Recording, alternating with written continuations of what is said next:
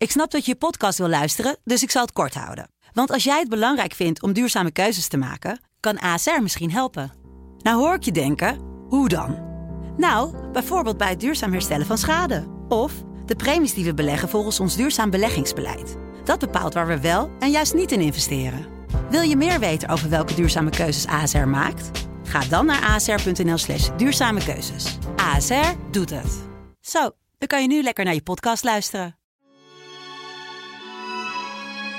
Dit is de politieke podcast van De Telegraaf.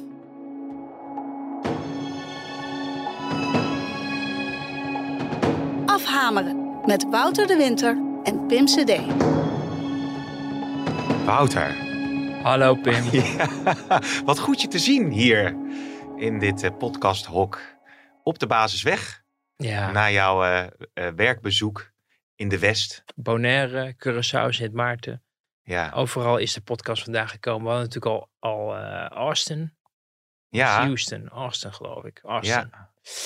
Nee, Houston was het toen. Nou ja, anyway. Maar internationaal, maar nu gewoon weer hier. fijn Lekker. vind ik dat wel. Ja? Ja, in de aanloop naar de Provinciale Statenverkiezingen kunnen we weer helemaal los. Het begint politiek. Ja, is het politiek al een beetje spannend ik niet aan eerst het even worden? de complimenten? oh, complimenten voor je verslaggeving. Nee. Voor het feit dat je bent geschoren. Oh, je, je, je, je tent. Dat is echt zo echt vermoeiend, hè? Ja. Zit je daar gewoon 2,5 week en dan, dan, dan met zilverpapier op die, op die momenten dat je nog even, even van de zon kan genieten. Ja. Om, met zilverpapier omringd om maar zon op te vangen. Ja, Ik helemaal ge- gebakken en gebraden teruggekomen en je zegt Niemand zegt wat.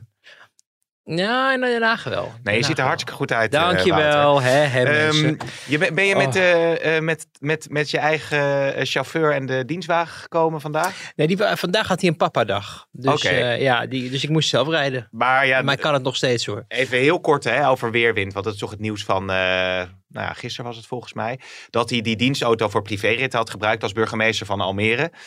Toen dacht ik, hoe heet wordt die soep nou eigenlijk gegeten? Ja, het, het, is niet, het is niet fijn, maar het is niet zo dat Weerwind momenteel een soort eh, eh, legacy heeft opgebouwd van, van, van dit soort zaken. Hè? Dat het gebeurd is, en zeker voor een minister voor rechtsbescherming, die zich dan weer niet aan, aan de regels houdt aan de wet houdt, zoals de huidige interim burgemeester zegt, Ank Bijleveld. Eh, ja, dat is natuurlijk heel erg pijnlijk. Eh, maar bij dit soort dingen vind ik altijd wel, het moet een optelsom zijn. Eh, voordat je echt kan denken van, nou, het is natuurlijk niet prettig. Ik vind wel, hè, burgemeesters die dan, ik weet ook niet precies de details, geef ik je eerlijk toe, want ik doe geen eh, gemeenteraadpolitiek, maar het is eh, ja, soms ook niet helemaal, alles valt ook niet altijd maar heel simpel in te delen. Mhm. Als je iets doet, stel je hebt iets, iets, ehm, eh, iets voor werk en je hebt ook nog iets privés erbij, hè, dat, dat is dan altijd weer lastig. Op een gegeven moment, het gevaar is wel dat mensen, als ze bestuurder zijn, ehm, zich het, het leven van, ehm, nou ja, je, je- laten rijden Ja. eh, eh, wel ehm, eh, laten bevallen, zullen we maar zeggen. Dus dat het verleidelijk is om, om misschien ergens rondgereden te worden en dan zelf achter het stuur te kruipen op een moment dat je nog werk moet doen of zo en je hebt een privéafspraak. Maar goed, regels zijn niet voor niks. Die worden ook van de burgers gevraagd om nageleefd te worden. Mensen krijgen ook boetes in Almere voor het moment dat ze, ik denk, het eh, huisvuil eh, aan de straat zetten op de dag dat het niet mag. Ja. zouden ze daar containers hebben? Ik, Ik weet het mensen. niet. Nee. Maar, maar, ehm, ja, maar dit is wel een gevalletje van de, ja, pijnlijk. En hij, hij, ja, je zou hem natuurlijk het liefst zelf over willen horen. Hij heeft een berichtje op LinkedIn gezet al, maar hij is eh, ziek. Ja, inderdaad. Uh, gisteren al, vandaag weer. ehm, wagenziek werd al her en der geopperd. Maar Ja. Nou, Ank Bijleveld is dan de waarnemend burgemeester, vond ik ook wel, eh, wel aardig. En die had dan eh, gezegd, de controle was niet goed. Dat was dan ook weer zo, had in eerste instantie ook zelf zich moeten realiseren. En het gaat om meer dan 500 kilometer per jaar. Cover Daas, does that ring a bell? 2012, moest opstappen als Ja. staatssecretaris. Of was Ja. dat toch een, een, een hele ja, andere hij had geloof ik een week was hij, of twee weken of een maand, maar, maar heel kort maar. En toen moest hij weg inderdaad, omdat daar met die declaratie iets niet goed gaat. Dus het is in principe eh, ingewikkeld. Maar goed, dan zit het minister die verder geen track record heeft opgebouwd. Nee. Ik weet niet of dit eh aftreden gaat worden, lijkt me niet. Maar ehm, eh, het, is, het is natuurlijk niet zoals het hoort. En eh, hij zal daar ongetwijfeld nog wel het een en ander over moeten verduidelijken. Wij zullen hem ongetwijfeld wellicht nog voor de camera gaan krijgen. We gaan het straks nog even over eh, Groningen eh, hebben. We gaan het hebben over de linkse wolk. En de tweet van Meili Vos, eh, we kunnen het wel, eh, dank voor het inzicht, Poetin. Mhm, mhm. Er zijn sowieso wat correcties op tweets gekomen Oh vanuit die hoek, maar daar hebben we het straks over. Ik wou het eerst even hebben over dat, dat verkiezingsdebat. ken je die mop van dat verkiezingsdebat bij, bij RTL? Ja, bij RTL. Ja. Ja, ik vind het eigenlijk wel jammer ook. Ja, ik ben een beetje genezen van de verkiezingsdebatten, moet ik je zeggen. Eh, debatten vind ik leuk. Verkiezingsdebatten vind ik eh, eh, de afgelopen jaren vaak, vaak slecht geleid. Vaak een kakofonie van, van, van meningen en ingestudeerde teksten vooral. Mhm. Vooral dat, hè, de spontaniteit, daar moet je het eigenlijk van hebben. Je moet, je moet in zo'n confrontatie, hoop je dat mensen uit hun rol treden. Dat ze zich verspreken of... of ehm, als ze het moment krijgen om een minuut de camera in te kijken en iets te zeggen tegen hun kiezers, dat ze dan een verhaal houden waarvan je denkt, ehm, ja, dat, dat hebben ze net even bij elkaar gesprokkeld. Maar mensen zijn overprepared vaak. Ja. Eh, men zit ook toch wel een beetje op vuurwerk te wachten. Je hebt natuurlijk een aantal verstorende factoren. Eh, bijvoorbeeld een, een eh, Geert Wilders die eh, de misthoren aanzet en daardoor eh, ja, wel voor de nodige jeu eh, zorgt, maar ook niet ja, dat je vaak heel erg inhoudelijk iets verder komt. Ehm, het kan ook trouwens averechts zoiets uitpakken. Hè? Ik herinner me een confrontatie tussen Kaag en eh, Wilders, eh, ik geloof de dag voor de, voor de Tweede Kamerverkiezingen in dat eh, debat. En eh daardoor kwam Kaag eigenlijk beter uit, Ja. omdat zij min of meer stand hield tegen de misthorens, zullen we maar zeggen. Eh, maar de afgelopen jaren ehm, hè, ook een beetje een moedje vaak. Ik geloof dat de NOS nu vanwege hun natuurlijk ook hun wettelijke taak om aandacht te besteden aan eh, ook de, de, de lijsttrekkers en ook uit de provincie en zo. Ja. Dat ze, ik geloof 18 man of zo uitnodigen. Misschien wel weer eh, verdeeld over twee ehm, uitzendingen zoals we de vorige keer hebben gedaan. Maar goed, daar doe je ook maar met de beste wil van de wereld doe je je best. Maar in een versnipperd politiek landschap wordt het steeds ingewikkelder. En dat zag je dus ook ehm, om het te organiseren. En dat zag je dus ook gebeuren bij RTL. Dat daar eh, eh, nou ja, wel een wens was om een verkiezingsdebat te organiseren. Maar dat er ook eh, wel, heb ik me laten vertellen, vanuit de zender zelf ook werd aangegeven van nou ja, om dat dan alleen maar bij de zes grootste partijen in de, in de Tweede Kamer te houden. Mhm. Is misschien wat raar als je ook nog BBB en, en ja, 21 hebt die op de deur kloppen. En nou ja, dan moet je daar weer afspraken met de andere partijen over maken. En daar werd al snel duidelijk dat de VVD er niet zin in had. Eh, want die laten, zoals eigenlijk elke partij die de premier levert, alleen voor misschien veel luisteraars zijn het dat er nog maar één of twee geweest tot nu toe. Namelijk Rutte en Balken. En, en, en de oudere luisteraars kennen Kok nog, maar zijn al mensen die in hun, in, gewoon jonge mensen die in hun, eh, in hun volwassen leven niemand anders als Nee. premier kennen als, als Rutte. Hè? Ja. Dat is ook eh, net als vroeger mensen. Ik kende eigenlijk ook niemand anders als staatshoofd dan Beatrix. Totdat ineens Willem-Alexander ten tonele verscheen en eh, in eh, 2013 eh, eh, ja, daar doe je het over al het algemeen wel langer mee dan met een premier natuurlijk, hè? Met een staatshoofd. Nee, zeker, Ja. zeker. Maar dat is, dus, dat is dus op zich ook best wel bizar als je erover nadenkt. Eh, maar eh, het, ik wil alleen maar aangeven dat de, degene die de premierbonus beheert, eh, eh, daar doorgaans wel zorgvuldig mee omgaan. Omdat ik me herinner nog dat Balkenende voor verkiezingsdebatten, zeker voor, voor, eh, voor, voor geen Tweede Kamerverkiezing, maar voor andere verkiezingen, Provinciale Staten en zo, veel meer op de achtergrond gehouden Mm. werd. En doordat daar de fractieleider van het CDA stond, omdat de premier op een soort, nou ik wil niet zeggen goddelijke status, maar Voetstuk. eh, ja, die, die stond ergens op een, Ja. op een, op een voetstuk. En, en eh, die, eh, nou ja, als hij niet in gevaar kwam, was het maar beter ook. eh, zeg maar eh, door, door tegenspraak in, in verkiezingsdebatten, die natuurlijk af en toe ook een kant kunnen opgaan. Die Ja, niet, eh. Maar eh, het is in die zin ook alweer jammer dat bijvoorbeeld eh, een partij als BBB of Ja21 niet de kans krijgt Ja. om de degens te kruisen met een partij als de VVD, Ja. toch? Nee, eens. Ik, ik, daarom, het is een, je moet het twee dingen denk ik eh, onderscheiden hier. Je hebt het, het belang van, nou in dit geval dan de VVD, die heel slim, ook omdat ze een, gewoon een goed campagneapparaat hebben waar in Den Haag ook met veel eh, achting en soms ook eh, jaloezie naar wordt gekeken, maar daarover straks meer, eh, over hoe goed zij zo'n campagne leiden. En dus ook heel goed weten wat ze wel en niet willen doen. Mhm. Ehm, dus dat is hun belang, namelijk de macht, de grootste blijven, misschien weer worden, eh, alles uit de kast halen om, om er goed voor de dag te komen. En de andere kant, het, het, misschien het maatschappelijke belang of de nieuwsgierigheid, want wij zouden misschien wel graag een confrontatie willen tussen, eh, zien tussen, eh, tussen Rutte en zijn politieke concurrent of de nieuwkomers, in dit geval Ja. de Ja 21, eh, belangrijke factor. We hebben het natuurlijk een paar jaar geleden gezien eh, rond Europa. Hè, dat uh, Forum voor Democratie bij de Provinciale Staten de grootste was. Dat ze toen bij de VVD zich ook een hoedje schrokken. Omdat ze zagen dat hun, hun, hun macht gebroken was. Hè. Ze niet meer de grootste waren in, in de Senaat. Uiteindelijk weer wel, omdat het zo'n puinhoop werd bij Forum. En daardoor heb je het idee dat de VVD de vorige Provinciale Statenverkiezingen ook had gewonnen. Maar dat was natuurlijk niet zo. Maar toen wel enige vorm van paniek. Van oh, dit is serieus. Dit zal misschien ook wel gevolgen krijgen voor de Europese verkiezingen of Kamerverkiezingen een groot forum. En dus moet je met hen de strijd aangaan. En toen kreeg je die merkwaardige uitnodiging van Rutte. Ik geloof dat het in Rotterdam was op een school of Dordrecht, ergens in die contraien. Ik was daar toen. Uh, en dat hij uh, uh, op, een, op een spreekbeurt in een toch middelbare school of een, of een mbo. Nou, ik wil er vanaf zijn. En dus de camera inkijken en zeggen: Ik wil met uh, Thierry Baudet en debat. Dat gebeurde dus vervolgens ook in dat mooie debat, toen volgens mij geleid door uh, Jeroen Pauw. Waar Zeker. het nog heel lang gelijk opging, totdat Baudet zei: van ja, wat is het laatste moment dat u huilde? Ja, dat was eigenlijk vrij recent. Hè? En, en uh, de, de, dood van een familielid was dat, als inderdaad. ik me niet vergis. En dat zorgde voor best wel veel sympathie. En je dacht ook wel van, oh, dit is best wel een ongepaste vraag misschien. Het was bedoeld om hem, om hem uit de tent te lokken. Maar ja, het verlies van een dierbare, um, ja, natuurlijk hel je daarvan. Dat leverde sympathie op. Ik weet niet of dat daarmee, dat is uiteindelijk niet de reden geweest dat Forum van de kaart werd gespeeld. Dat hebben ze vooral zelf gedaan.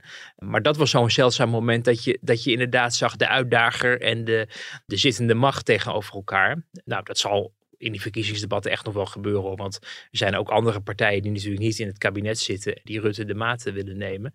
Maar zo'n confrontatie met Ja 21, dat willen ze natuurlijk eh, bij Ja 21 ook heel graag. Ja. Annabel Danninga, die heeft ook gezegd van laat me dan met Schippers. Ik vind het ook een beetje flauw hè, als, als, als politiek dier om, om daarvoor weg te lopen. Maar er zit een, tegelijkertijd is het belang aan van, ja, men kiest heel duidelijk welk risico men wil aangaan. En je wil sommige mensen niet groter maken dan ze zijn. Maar is de macht van de politieke partijen dan niet te groot uh, aan het worden? Of van bepaalde partijen? Dus als de VVD iets gewoon uh, niet wil, ja, dan gebeurt het gewoon niet. Of ze willen misschien alleen weer met Wilders. Hè. Bij een vandaag gaat dat wellicht gebeuren. Dat platgeslagen debat kan ik me nog mee herinneren dat wij daar ook wel eens over hebben gesproken. Dat er wel, wel, wel vier debatten tussen die twee uh, waren ja, na de verkiezingen. Ja, hoe verrassend gaat dat dan nog zijn? Ja, nee, de, de verdedigingslinie die ik, die ik vanuit de VVD hoor is, we hebben een afspraak gemaakt met uh, eh, RTL Nieuws om een setting overeen te komen en ook een tijdstip meen ik. En op een gegeven moment was er vanuit de zender de vraag van kan dat dan niet met meer mensen? Want er zijn er wel meer mensen die een kans willen maken. En dat vond de VVD dus geen goed idee. Toen heeft RTL Nieuws een beetje de handen van afgetrokken, begreep ik. En toen heeft de redactie van Jinek nog een poging gedaan om het voor elkaar te krijgen. Maar liepen eigenlijk tegen dezelfde beperkingen op. Jinek gaat wel gewoon mensen interviewen. Ja, precies. Uh, en dat doet ze volgens mij ook, uh, ook hartstikke goed. Dus zo'n debat hoef je dan niet per se ook daar te hebben. Maar ja, de macht, ja, je kan moeilijk partijen dwingen om te debatteren. Hè? Dus, dus het zegt vooral veel over. Kijk, de VVD zal heel erg zich verschuilen achter. We hadden een afspraak gemaakt met. Mm. RTL Nieuws. En ze zijn van die afspraak teruggekomen. En dat is niet voor het eerst. En wij gaan altijd van de afspraken uit. Nou ja, weet je, wij waren ook niet bij die gesprekken. Dus dat vind ik ook moeilijk, zeker voor een ander medium, om daar dan. Je kan het proberen te reconstrueren. Maar ja, het is natuurlijk duidelijk dat de VVD ook gewoon niet dat, debat wil aangaan. En dat ze daar gewoon een electorale beslissing, zullen, we maar in, uh, zullen we maar zeggen, innemen. Dus ja, of ze te veel macht hebben, uh, ze bepalen zelf met wie ze in debat gaan. De kiezer moet vooral kunnen concluderen van, oh, ze durven het kennelijk niet. Maar ik denk dat de meeste kiezers dat niet zullen denken op het moment dat ze Rutte straks wel met andere mensen dan ja 21 in debat zien gaan. Dat ze dan toch de indruk hebben van, oh, maar hij gaat toch in debat. Ja. Het is natuurlijk voor de politieke watchers iets heel, oh, ik zag ook weer Volkskrant, ik had de hele pagina voor ingeraakt. terwijl ik denk, nou, ik denk dat de mensen in het land wel wat anders aan hun hoofd hebben. Nou ja, dan gaan wij ook maar door naar het uh, volgende onderwerp. Uh, de linkse wolk. Nou ja, ik zag deze week wel uh, wat tweets voorbij komen over een linkse lente. Uh, want in, nou, ik meen, was het INS of, of uh, Ipsos? ik weet niet ook. Ja. of INO, was, INO, sorry. Ik haal ze, niet zo hard schreeuwen, ik, nee, maar ik zat al die peilingen te bekijken. Ja. En ik had dus dat, dat tweetje gezien van we zijn de grootste. Toen kon ik even niet vinden welke peiling het nou was. Want bij geloof ik één vandaag en Maurice de Hond is het dan nog niet zo. En Nee. bij INO, Nee, INO en Maurice de Hond die, die voorspellen alle twee winst. En Ja. bij, bij een vandaag zag je juist een teruggang Ja, aan het aantal exact. zetels. Is natuurlijk fascinerend, hè? want het geeft ook maar weer aan hoe, hoe je er eigenlijk geen pijl op kunt trekken. Als de ene poll di- eh, verlies voorspelt en de andere een winst. Ja, Uh, maar ik vond het wel uh, interessant, omdat zeker die van één vandaag, daar ging de VVD echt, echt ferm aan, aan kop. PVV overigens ook goed. Eigenlijk een ruk naar rechts las ik eruit. Want BBB uh, natuurlijk erbij. Ja, 21 natuurlijk ook. Maar goed, die, die komen van ja, toch feitelijk waar de, de gestolen forumzetels. Hè, Mhm. Want die zijn, hebben zich afgesplitst van forum. En hebben daardoor nu veel zetels in de Senaat. Maar dat, dat gaat waarschijnlijk teruglopen, omdat ze eerst helemaal niks hadden. ja. En zeker niet de winst van, van Forum, uh, zoals het zich laat, aan, laat aanzien gaan bereiken. Dus dat gaf weer een heel ander beeld dan wat je bijvoorbeeld bij INO zag, die ik toch wel vaker vrij lief vind voor de linkse partijen overigens. Oh ja? Uh, ja, dat, dat zie ik af en toe. En zie ik die meneer dat ook allemaal uitleggen. En denk, oké. Okay, oh. maar goed, dat is een persoonlijke zijn toch observatie. objectief, Wouter? Persoonlijke, ja, nou ja, op, ja, maar als dat zo zou zijn. Trouwens, ze zijn niet allemaal op. Uh, Nou. uh, ik heb ooit ook wel eens met um, Maurice de Hond een interview gedaan. Over hoe hij uh, zijn peilingen vormgeeft. En Mhm. mm -hmm. hij is natuurlijk een gerespecteerd opiniepeiler. Heel beroemd, heel, maar ook veel kritiek. Hè. Er zijn ook veel collega's van hem die het niet eens zijn met hem. Ik, wat ik zelf toen wel bijzonder vond, is dat hij zei: Ja, ik weet dat ik in mijn onderzoekspopulatie een ondervertegenwoordiging heb van, ik meen in dit geval was dat Denk. Dus ik hou er rekening mee dat die ondervertegenwoordigd zijn. En dat ik daardoor met het uiteindelijke publiceren van de peiling daar kennelijk uh, ja, aan een knopje heb gedraaid om te zorgen dat het net lijkt alsof ze wel. Ja. Waardoor ik dacht, ja, maar dan is het toch ook niet meer een hele echte peiling. Maar ja, ik, snap, ik snap het uitgangspunt wel. Van, ja, als Die marges niet... moet je er misschien in houden. Nou ja, dus, dus, maar ik vond dat dus een beetje kwetsbaar. En toen leerde ik ook van ja, het is dus misschien ook allemaal niet zo zwart-wit. Uh, maar goed, als je een, een, een, een, een peilingbureau hebt dat de VVD fel aan kop zet en krimpend links. En je hebt een ander peilingbureau. Hè, dit gaat dan een, een vandaag aan het andere peilingbureau dan INO, die juist uh, voorspelt dat links gaat groeien. Ja, wat, ja. welke conclusie moeten we daar dan nou ja, precies zeg uit trekken? Nou ja, in ieder geval dat niet iedereen het erover eens is welke kans het op gaat. En dat zag je het denk ik ook af en toe wel bij de Amerikaanse presidentsverkiezingen de afgelopen jaren. Daar zaten ze er ook vaak naast. En Ja. er werd eigenlijk ook voorspeld dat de, de, de Senaat er aanging voor de Democraten bijvoorbeeld. En het Huis van Afgevaardigden een veel grotere eh, meerderheid op zou leveren voor de Republikeinen. Dat bleek niet het geval te zijn. Dus je ziet dat peilingen inderdaad palingen zijn. Dat, sommige, dat het ook afhangt van de opkomst. Ja. De gordijnbonus hebben we natuurlijk nog. Hè, mensen die wel zeggen dat ze op, wat zullen we zeggen, de SP of op uh, de VVD stemmen of op het CDA. Maar stiekem als in het stemhokje zijn van nou lekker Wilders of zo. Dat heb je natuurlijk Ja. ook. Dus het is moeilijk. Maar ik dacht wel, wel een hele lange inleiding dit. Ik vind het wel interessant hoor. Oh ja, maar uiteindelijk wel uh, de mogelijkheid openhoudend dat het met het linkse avontuur misschien niet helemaal goed eindigt. Vond ik een interessante, omdat ik ook in de achterban van, van die partijen ook wel al wat zorg hoorde. Want tot nu toe, ja, om nou te zeggen dat die campagne je, je, je helemaal overrompelt vanwege de, ja, de succesvolle voorbereiding, vanwege de overtuigende boodschap, vanwege de aansprekende lijsttrekker. Ik kan die vakjes nog niet Hmm. rood kleuren, om het maar eens uh, in die kleuren te houden. Een herziening van ons OV-stelsel heb ik uh, voorbij Ja, zien komen. maar, lieve hemel zeg. Nou Wat ja. een, en, en, en natuurlijk een absurd... Oesjaliet en uh, Haptema de Hoop hadden dat geloof nou, ik. Uh. dat zou je eigenlijk al genoeg moeten zeggen. Hoewel ik vind Haptemo wel, wel een talentvolle politicus Maar dingen gratis maken. Ik denk dat veel mensen ook denken, ja gratis, niks gratis. Want niets is gratis. Voor niks gaat de zon op, daar houden we toch ongeveer wel bij op. En hier hebben we ook nog eens regen en, en misten op de koop toe. Maar uiteindelijk moet het ergens van betaald worden. En dat weten mensen donders goed. En bovendien, als jij in het nu wel eens de kans krijgt om in het openbaar vervoer plaats te nemen. Kijk jou even Nou, nee, nee, nou, ja, dat gebeurt echt nooit. Nou, wacht, zeker wel. Echt, waar ben je Ja, naartoe hoor. gegaan dan? Nou, de metro wel eens naar de. Telegraaf. Ja. Metro naar de Telegraaf. ja, en terug naar huis. Via, via, Nou, is leuk via Als ik-. Als ik straks, en, eh, als ik straks de ja. metro neem van de Telegraaf terug naar huis, dan kom ik langs het nieuwe sekscentrum. eh, dus dat is wel, wel aardig. Ja, mensen, hij is aan het glunderen. Maar dat, nee, Die 12 dat. Ja, dat is, dat, begint dat, toch te knallen. dat is iets wat de, wat de buurt wel, eh, wel, Oh. wel eh, bezighoudt eh, momenteel. Maar Nou, dat eh, eenmaal Eh, terzijde. ja, ook een beetje. Maar goed, ehm, als je in de metro zit, eh, ik zit daar ook wel eens in. Ik heb natuurlijk, nou ja, ik laat ik niet vertellen waar ik woon. Maar ik zit ook wel eens in de metro. En, eh, maar ik zit ook wel eens in de trein als je bijvoorbeeld naar Schiphol moet. Ja. Nou, al die, die paar minuten dat Je je... gaat wel vaak. Hij gaat wel vaak met smerig. Mensen zitten te eten, satés Ja. en weet ik allemaal troep en met elkaar te bellen. En goh, ik vind, ik vind het echt oprecht. Ik ben jarenlang naar Den Haag ge- gegaan met, de- met de trein. Tegenwoordig doe ik dat met de auto. Het is echt smeriger geworden. En ik denk ook niet dat de oplossing voor het, het eh, enthousiast maken van mensen voor het openbaar vervoer ligt in het feit dat het gratis is. Veel mensen die moeten forensen krijgen daar al een vergoeding voor van hun baas of krijgen een OV-kaart. Nee, het gaat erom dat het een aantrekkelijk alternatief Ja. is voor de auto. Dus dat je er rustig kan werken, dat het schoon is, dat het veilig is. Vergis je niet. Dat je kan zitten in plaats van dat je als een blik sardientjes wordt opge...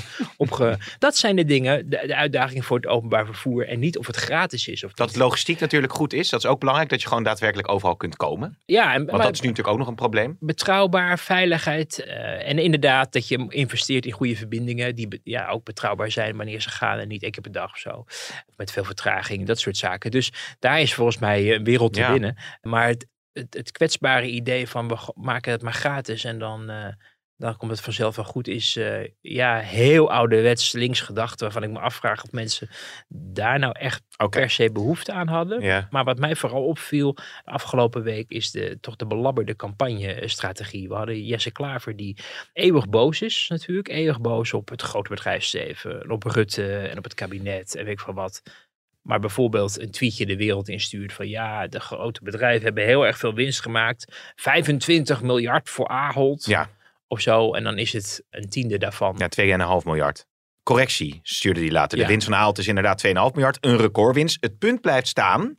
Met zulke miljardenwinsten betalen we niet voor inflatie, maar voor de winst van CEO's en aandeelhouders. Ja. Ja, ik weet niet of je 25 of 23 miljard zei oorspronkelijk. Dat zie jij Ja, kan ik er nog even bij. Volgens mij Zie je ook 23 uit mijn hoofd. 23, ja, en dat was dan 2,5. Eh, ja, weet je, als jij... Scheelt nogal. Het scheelt nogal ehm, en je ondergraaft je geloofwaardigheid natuurlijk wel mee. Omdat het punt wat hij probeert te maken, en dan zeg je, dat blijft staan. Maar ja, als jij iets moet corrigeren, dan zit iedereen toch naar de correctie te kijken. En niet naar wat je hebt proberen eh, neer te zetten. Namelijk dat we gewoon met z'n allen genaaid worden door het grote bedrijfsleven. En dat dat allemaal maar gebeurt dankzij Rutte of zoiets dergelijks. Nou, ook daar viel wel wat op af te dingen. Want de meeste winst van Ahold kwam uit... ehm, uit de Verenigde Staten. Eh, dus die worden misschien nog wat harder genaaid. En ik zie bij de afbakstokbroodjes eh, bij mijn supermarkt ook dat ze heel, wel heel veel lucht in die verpakking hebben. En ongeveer halverwege het stokbroodje ophoudt. Dus je ziet dingen gebeuren in die supermarkt die natuurlijk niet kloppen. Jij bent Eh, natuurlijk uit Amerika teruggekomen en dan, dan vallen dat soort dingen natuurlijk extra op. Ik heb daar nooit op gelet, dat het, de afpakbroodjes, je wordt dus de maat genomen. Ga maar eens even Nou. kijken. Of kijk, of kijk hoe ze, als je zo'n zo'n ding yoghurt of zo'n Ja. toetje, weet je, dat staat dan altijd op zo'n, zit in zo'n kartonnen verpakking. En dat is nooit een bodem die ophoudt op de, aan de Oh. onderkant. Maar er zit altijd een ringetje op. Ja, En dan zit een centimeter daarboven en daar houdt het bakje op. Weet je, dat is ook zo'n truc. Dat kan je verhogen en dan krijg je steeds minder. Jemig. En, en je betaalt dezelfde prijs af. Hè. Stagflatie hoorde ik volgens mij ooit iemand. Of eh, nog meer zelfs. Hè? Je betaalt nog meer. Maar goed, dat Nee, allemaal maar geheel terzijde. dat is allemaal terzijde. Ehm, ik vond het gewoon een beetje pijnlijk dat, dat eh, ik vind de boodschap sowieso al niet zo heel erg overtuigend. Want je denkt toch, je moet proberen om echt, maar daar hebben we het al een paar keer over gehad in de podcast, dat zal ik niet nog een keer doen.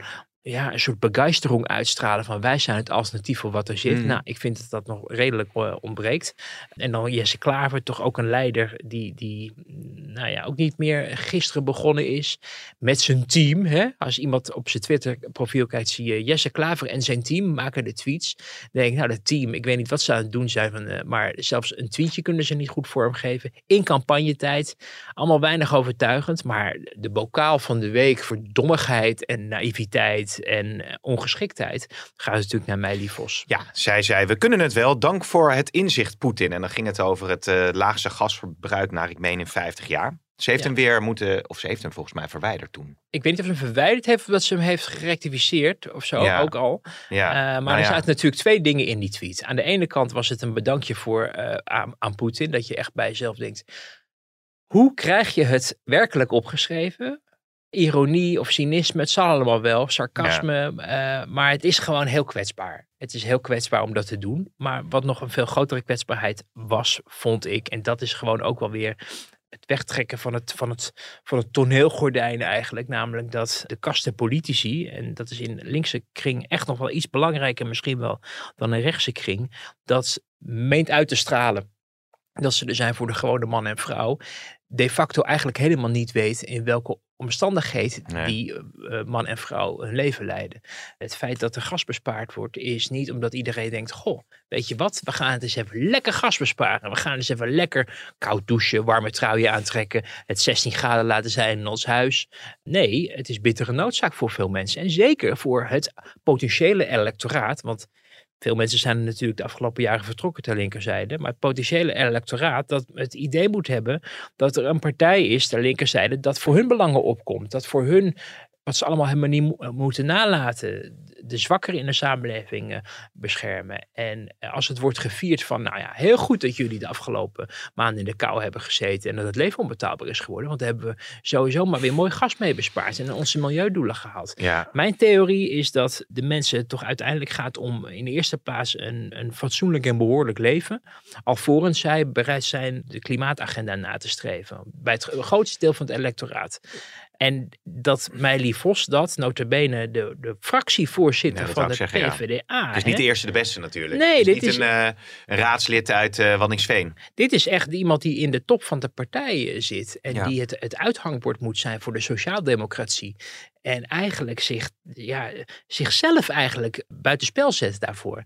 Ehm, dus er gingen ook al eh, her en der. Ik sprak een aantal mensen uit eh, bijvoorbeeld de PvdA-achterban. Die ook wel zeggen van nou ja, als dit een fiasco uitdraait straks op 15 maart voor de PvdA. Dan is het ook einde Meili Vos. Eh, in, in, eh, eh, in het leiderschap op, op die plek.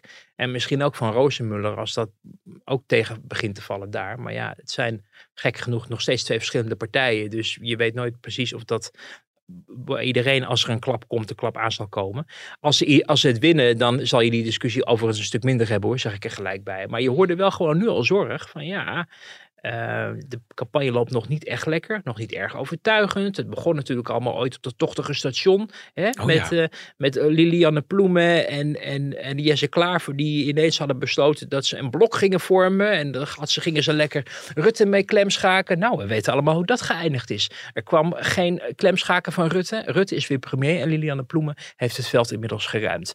Kortom, eh, het is niet voor het eerst dat, dat zo'n links plan, wat je om electorale redenen nog wel kan begrijpen, eh, in de uitvoering gewoon in schoonheid Ja, sterft. maar ze zijn wel verder nu, toch? Je hebt toch wel het gevoel, ook als het over moties gaat die worden ingebracht bij congressen, dat er meer enthousiasme is bij de achterban eh, voor een samenwerking dan misschien een aantal jaar geleden. achterban, achterban. Als je op de- zo'n congres komt, dan zijn het vooral de, de festivalkinderen die het hartstikke leuk vinden dat ze ook met de broertjes en zusjes van GroenLinks nu samen kunnen optrekken. Mhm. de, de wat oudere garde, de mensen die de, de echte succes hebben meegemaakt. En daarom is het voor hen ook het lastigste, zeker bij de PvdA, om die stap te zetten. Omdat zij nog weten dat ze het ook op eigen kracht konden ooit. Hè? Dat, ze, dat ze 30, 40, 50 zetels hadden eh, in, in, eh, in de Tweede Kamer. En dat eh, de, de, de muren van de PvdA-fractie behangen zijn met alle, alle sterren en helden van vroeger. Van Drees Ja. tot Den Uyl tot Kok. Eh Asje, Asje zelfs, eh, eh, terwijl die natuurlijk uiteindelijk nog ook niet heel erg goed gescoord heeft. Ehm, heel veel succes, successen hangen daar aan de muur. En ehm, ja, ehm, als je dan dat afzet tegen nou ja, de mogelijkheid dat je blij mag zijn dat je met steun van GroenLinks misschien nog iets verder komt dan je in de, de, de beperkte positie waar je nu zit, is natuurlijk eh, ja, wel best bijzonder. Ehm, dus je ziet dat die oude garde met dat geheugen nog denkt van ja, nou ja, moet misschien maar.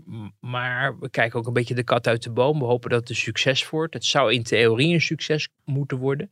Eh, ik denk dat, dat je dat, dat je misschien een klein succesje kan zien met de statenverkiezingen. Maar een landslide verwacht ik op dit moment niet. Zo doe maar de vraag op wie er dan gestemd wordt. Op GroenLinks of PvdA. Dat wordt natuurlijk ook nog wel interessant hè? Nou ja, Want als zal- de meeste stemmen dan naar GroenLinks gaan, ja, dan ben je misschien samen de grootste. Maar dan is jouw partij alsnog, dat is natuurlijk ook een... een en wie gaat, wat gaat dat dan voor gevolg hebben voor de uiteindelijke lijsttrekker misschien bij Tweede Nou ja, het, het lijkt mij voorstelbaar dat degene die in die, in die fusiebeweging, eh, hoewel het dat nog niet echt is officieel, maar als GroenLinks groter is dan de PvdA Ja. in de Senaat, meer stemmen krijgt, dat Paul Roosemuller de fractievoorzitter wordt. Eh, en omgekeerd als de PvdA eh, dat voor elkaar krijgt. Ehm, en dan, maar goed, dat is dan voor de Senaat. Dat is eens in de vier jaar iets waar mensen dan naar kijken en waar je die mensen ineens op televisie voor ziet, met elkaar debatteren. Uh, maar voor de rest zien we eigenlijk vrij weinig over wat er in de Senaat gebeurt. Tenzij er een heel belangrijk voorstel, wetsvoorstel ligt. Uh, en dan nog is het in het huidige politieke spectrum vaak uh, de, enige, de enige moment dat de Senaat echt in het nieuws komt, is als ze nee zeggen tegen iets wat het kabinet Ja. heeft bedacht. Nou ja, dat kan de volgende jaren vaker gaan gebeuren als die meerderheid of die minderheid in de, in de Senaat al verder krimpt voor, voor de coalitie. Uh, maar voor de rest gaat het natuurlijk uiteindelijk om wat er in de Tweede Kamer gebeurt. Daar zie je uh, nog niet heel erg veel gebeuren. Ja, je kan samen uh, een motie indienen uh, en het eens zijn en af en toe zeggen GroenLinks steunt ook dit debat. Als je van de PvdA bent, Ja. weet je, nou, hartelijk gefeliciteerd. Uiteindelijk gaat het natuurlijk dat je een kanon daar neerzet. Dat straks Rutte omver gaat blazen op puur figuurlijke manier, zeg ik overigens. Als je de verkiezingen wil winnen. Mhm. Dat, is, dat is de grote uitdaging. Een, een, een, een aansprekende uh, lijsttrekker met een aansprekend programma waar mensen zich, waar mensen ook in, in de timing ook zien van ja, het is nu tijd om die, om die steven naar links uh, Ja. te brengen. Ja. Maar ja, ja. maar wie dan? Nou ja, de, de de- oude witte man Frans Timmermans, zullen ze daar blij mee zijn? Hè, die, die, eh, eh, hoorde ik ook nog eh, zeggen bij Jinek was het naar ik meen. mhm. eh, dat ze er wel voor open zou staan als die kans voorbij zou komen. Dus het was Ja. vond ik opvallend dat ze, hè, was echt vrij, vrij transparant was ze daarover. Ja, nou ja, dat, zij is een. eh, eh, zij is denk ik een. a- obviously iemand die succesvol kon zijn in Amsterdam. Ja. een nieuw gezicht is. Ehm, het is misschien nog iets te vroeg om te concluderen dat het op het landelijke toneel ook een groot succes wordt. Hè? Gemeentepolitiek en, en lokale politiek is toch iets anders. Het is ook wel zo dat ik wel he- heb, heb, ehm, nou ja, heb gezien dat het. eh, kijk, Amsterdam is een beetje de hofleverancier van de PvdA-top eh, de afgelopen jaren geweest. Ik geloof alleen Samson, die eh, kwam uit Leiden, meen ik. Ja. Uh, maar voor de rest is het allemaal een vrij Amst grote Amsterdamse machtige afdeling. Uh, daardoor ook veel invloed en ook in het promoten van uh, de lijsttrekker. En trouwens ook alle bevriende mediaredacties die Marjolein Moorman zoveel in het nieuws uh, gooide. Ja, ze zat, was kind aan huis bij, hoe heet het programma? Sophie en... Zo, Galit en Sophie. Ja, precies, ja. En um, uh, dat is haar, is haar gegund overigens hoor. Want het is, een, uh, het is een interessante politica. Heb ik ook een paar keer kunnen ontmoeten. Uh, inmiddels bij, in, in de coulissen her en der. Maar um, ja, de Ja. wind mee is nog iets anders dan een succesvol lijsttrekker zijn. Het zou kunnen hoor, dat, dat gaat gebeuren. Maar het is niet zo dat alles wat in Amsterdam geboren wordt of opgroeit, want zij is geloof ik uit Wassenaar, uh, maar dat het automatisch een Nee, succes wordt. Nee, nee, kijk maar ook naar Job Cohen, hè, hoe dat uh, toen, uh, toen ging. Dat is in ieder ja. geval een heel sprekend voorbeeld.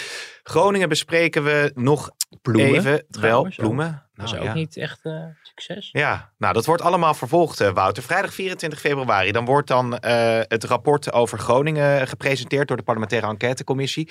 Ik zat al een beetje te lezen van wat is nou de verwachting eigenlijk van de Groningers. Die zijn toch wel cynisch en sceptisch en die verwachten eigenlijk dat, dat er niet zo heel veel voor hen zal veranderen, ook in de afhandeling van de problematiek. Hè. We hebben natuurlijk die voren ook gezien, waarbij die oude meneer ook zei, ik ben er al zo lang mee bezig, ik ben helemaal murf gebeukt, emoties. Mm, Ja, wat kan dan zo'n rapport opleveren voor die mensen Ja. daar nog? Ik, ik denk wel dat het terecht is dat die enquête plaats had, omdat het uh, toch wel een grote. Uh, uh, ja, een, een, een, een, grote schande is dat een, een, een deel van je bevolking in een bepaald landsdeel. Ja, dat de, de, de, de, de, alarmbellen, eh, maar ook vooral de, de bescherming die de overheid moet bieden. eh, richting haar burgers in dat landsdeel niet serieus genomen zijn. Ehm, het is wel zo dat ik heb niet alle verhoren kunnen volgen, helaas. ehm, maar wel een paar. En dat mij daar ook wel duidelijk werd dat het ook niet iets was van een soort vooropgezet plan. Van we gaan die Hmm. Groningers eens even. Nee, men had wel bedacht van gaan ze niet. We gaan ze een beetje negeren. Of we kijken niet zozeer naar. eh, de, de, ja, de mogelijke gevaren of de schade, maar meer bedenken we aan het geld. Er is natuurlijk ook een begrotingswerkelijkheid. Hè. Er was op een gegeven moment, eh, werd er ook vanuit financiën ook al aangegeven dat het geen optie was om, om dingen omlaag te schroeven, want ze hadden het geld nodig. Je moet dingen natuurlijk ook altijd een beetje in de tijd zien. Hè. Op het moment dat, eh, eh, nou ja, de, de, is een aantal crises natuurlijk geweest de afgelopen jaren in uh, onder Balkenende 4, maar ook eh, Rutte 1, Rutte 2, waarin Nederland de broekriem heeft aangehaald, waarin er helemaal geen discussie was over waar gaan we geld uh, niet vandaan halen, maar waar kunnen we in hemelsnaam het geld vandaan halen. Ja. En onder die omstandigheden zat ook een politieke werkelijkheid zo en een Europese werkelijkheid, want wij moesten ons immers aan de begrotingsnormen houden. Uh, dus, dus dat soort zaken moet je altijd wel in je achterhoofd blijven zien, maar dat betekent niet dat je daarmee, en zeker niet met terugwerkende kracht, onder het tapijt moet vegen dat mensen daar onder geleden hebben. De, en dat het, de alarmbellen die daarover gegrepen waren ook niet altijd serieus uh, zijn genomen. Of eigenlijk bijna niet serieus zijn genomen. Ik herinner mij een gesprek met een bewindspersoon uh, uit uh, Rutte 2, als ik me niet vergis. Die mij vertelde van ja, diegene was dan wel in, in Groningen geweest. Had gesproken met Groningers en gedupeerden. Maar kreeg ook wel, wel de indruk dat mensen al de tegenslag in hun leven ophingen aan het feit dat er naar gas geboord werd daar. Hmm. Oftewel een scheiding, een ziekte, uh, een, een, miskraam. Uh, nou ja, uh, wat er ook allemaal misging in het gebied, werd automatisch, was automatisch dan de schuld van de, uh, van de aardbeving. Zo zei die bewindspersoon. En had daardoor ook een beetje het idee dat je het allemaal met een korreltje zout moest nemen. Dat is kwetsbaar, hè? Omdat ze, want oh, zo, dan moet ik ook aan die toeslagenaffaire denken. Ja, ja, ja. Hè? Ik heb dat destijds ook ergens opgeschreven. En, en uh, Henk Nijboer was van de PvdA, die was er toen heel, heel boos over. Die komt natuurlijk uit Groningen. Maar die zei van uh, ongelooflijk dat er in het kabinet zo gesproken wordt over, over mensen. Um, en over ja, hun, hun, hun oprechte zorg en hun kwetsbaarheid en hun leed ook. Hè, van je zal maar in zo'n huis wonen. Hoort ook wel van mensen die de afgelopen jaren met het, met het dossier wat nauwer betrokken zijn. Die kwamen dan daar op, op een ontmoeting met mensen die dan in zo'n huis woonden. Ja. Met scheuren. Dat, je, dat ze zelf, de bewindspersonen, zelf het idee hadden van hoe snel kom ik hier weer naar buiten? Want dit kan elk moment gebeuren en dan lig ik er ook onder. Wat mij even aangeeft, en denk ook wel dat mensen daar gelijk in hebben als ze zeggen, als dit uh, speelde in de Amsterdamse grachtgordel of op Eiburg op het Mediapark of wat dan ook, dan was er veel sneller ingegrepen en was het een veel groter ding geweest. Maar omdat het ver weg is, naar randstedelijke begrippen, is er gewoon veel minder aandacht Mm. en, en, en uh, urgency aan toegekend. Uh, dus ja, ik, ik verwacht dus ook, ik verwacht dat er een getal ook zal worden genoemd. Ik meen 400 miljard wat er de afgelopen jaren daar aan is verdiend. Wat dat land daar eigenlijk heeft weggehaald. Natuurlijk ook, zijn ook uitkeringen uitgedeeld en, en wegen aangelegd in Groningen. Alleen um, het is natuurlijk al vaker in een land dat ook in Rotterdam het geld wordt verdiend wordt, zeggen ze wel eens. En in Amsterdam wordt het weer uitgegeven. Ja. Als het gaat om, om waar daar uh, uh, mensen werken en, en er geld mee verdienen. Maar uh, dat, je, dat er een, een, een duidelijke ja, tik op de vinger zal zijn voor de politiek in den brede. Van luister naar je mensen op het moment dat ze aan de bel Ja. trekken. Ook zagen we in de, in de toeslagenaffaire natuurlijk. Dat mogen duidelijk zijn. Wat natuurlijk als politieke watchers voor ons ook interessant is, is welke politieke gevolgen heeft zo'n rapport. Want een parlementaire enquêtecommissie, weten we, kan soms hele ingrijpende gevolgen hebben. Er is een, kan een kabinet op aftreden, kunnen bewindspersonen op aftreden. De sfeer die ik op momenteel in Den Haag proef, uh, is niet dat dat nu gaat gebeuren. Niet het kabinet en zelfs de verantwoordelijk, huidige verantwoordelijke uh, staatssecretaris uh, Veilbrief Ja. van D66 uh, staat hij juist wel goed op in Ja. Groningen. Als, omdat hij eh, als een van de weinigen echt durft te zeggen we gaan niet meer extra winnen. Hij Uh, lijkt doortastend te werk te gaan in dit dossier. Hè? Dat gevoel heb je in ieder nou, hij heeft zich erg laten overtuigen Ja. ook door hoe, oh, hoe ernstig het is. De man is zelf overigens jarenlang ook, eh ook, ook thesaurier-generaal op financiën, maar ook op het ministerie van, eh, van Economische Zaken als ambtenaar werkzaam geweest. En heeft zichzelf ook de ogen zien openen eh, nu hij zo nadrukkelijk, ik geloof eens in de, eh, nou, vrij regelmatig regelmatig ook naar Groningen gaat om daar met mensen te spreken en, en uh, nou ja, te laten zien dat hij er ook voor hen is. Uh, volgens mij echt ook trouwens een van de betere bewindspersonen van, van dit kabinet. Alleen een beetje onzichtbaar, omdat het ja. zich vooral uh, concentreert op dat landsdeel. En, en dat is dus ook de reden waarom er in politiek Den Haag vooralsnog niet hele grote politieke ongelukken worden verwacht. Uh, dat het wel erg wordt gevonden van wat er Groningen, in Groningen is gebeurd. En dat mensen ook vinden dat het moet worden opgelost. En desnoods mensen maar geld moet worden gegeven of wat dan ook. Maar uh, dat er een heleboel andere problemen zijn in de rest van het land die voor mensen belangrijker zijn. En belangrijker worden ervaren. Waardoor de, de, de enorme druk van, nou ja, dit is een on, overkomelijke horde voor een kabinet. En hier moeten ze de verantwoordelijkheid voor nemen. Zoals je bijvoorbeeld bij Srebrenica zag. Of zo. Ja, dat, is, dat, is, dat was hmm. trouwens een, een, het rapport. Hè, dat was nog niet eens een enquête. Uh, maar, maar ik bedoel dus aan te geven dat, dat de sfeer zoals ik hem nu proef... niet eentje is van, van uh, uh, politieke offers. Maar wel met een slag om de arm. Omdat ook de mensen zijn die er nou bij betrokken zijn... aangeven van het ligt ook wel helemaal aan precies de formulering van datgene wat de enquêtecommissie heeft opgeschreven. En je kan je misschien nog herinneren, en dan hou ik op hoor met mijn monoloog. Maar... Nou ja, ik, ik zit er wel lekker in. Ik vind het zo fijn dat je er zit, Wouter. Er komen ook allerlei gedachten weer in mij naar boven. Oké, oké, schrijf ze op, schrijf ze op. Nee, maar je kan je misschien nog herinneren dat op een gegeven moment het, het rapport van de OVV kwam over de brand op Schiphol. Het was een detentiecentrum, daar was in de fik volgens mij gezet. Uh, door iemand en daar waren uh, slachtoffers bij gevallen. En je zag, uh, en van tevoren werd gedacht, ja, het is niet zo dat de ministers die brand hebben aangestoken. En tegen, ja, wat kan je er tegen doen als mensen proberen om op die manier de boel ja, naar hun hand te zetten door om te ontsnappen of misstand aan te kaarten of wat dan ook. Alleen de OVV had toen een filmpje ge gepubliceerd waarin je uh, ik geloof de gesmolten uh, uh, ballen van de poeltafel ja. nog in beeld zag. Met animaties over hoe ernstig die vuurzee is geweest. En hoe mensen als ratten in de val zaten daarbij. Ehm, dat was zo devastating dat zelfs op het ministerie van Justitie, begreep ik, waar toch, het ging om volks, volkshuisvesting en justitie. Dat ze ook zeiden, waar ze aanvankelijk hadden gedacht van nou hier komt de minister wel mee weg tot de conclusie moesten komen van ja, tegen dit beeld alleen al kan je niet meer vechten. En toen was het aftreden geblazen. Ja, maar we weten natuurlijk ook wel heel veel over het leed wat de Groningers is aangedaan. Dus in dat uh, opzicht is daar ook heel veel aandacht voor geweest. Zeker. En is er nu een bewindspersoon die echt nou ja, toegewijd uh, daarop zit. Ja. Uh, en misschien is het ook beter voor de rust als die dan daar zijn werk kan vervolgen. Zou voor de rust, ja, ja, ja. nou ja, um, wat, ik begreep, ja, volgens mij zit hij er zelf vrij ambivalent in. Uh, niet gehecht aan het plus of zo. Nee. Maar ook niet het idee. Eh, wel het idee. En wat ik ook wel van mensen hoor, ook uit het kabinet hoor. Van dat de man wel goed bezig is daar. Ja, ja. En ik hoor ook niet, uh, zoals we dat vroeger nog wel eens uh, hoorden. Van uit het Groningse.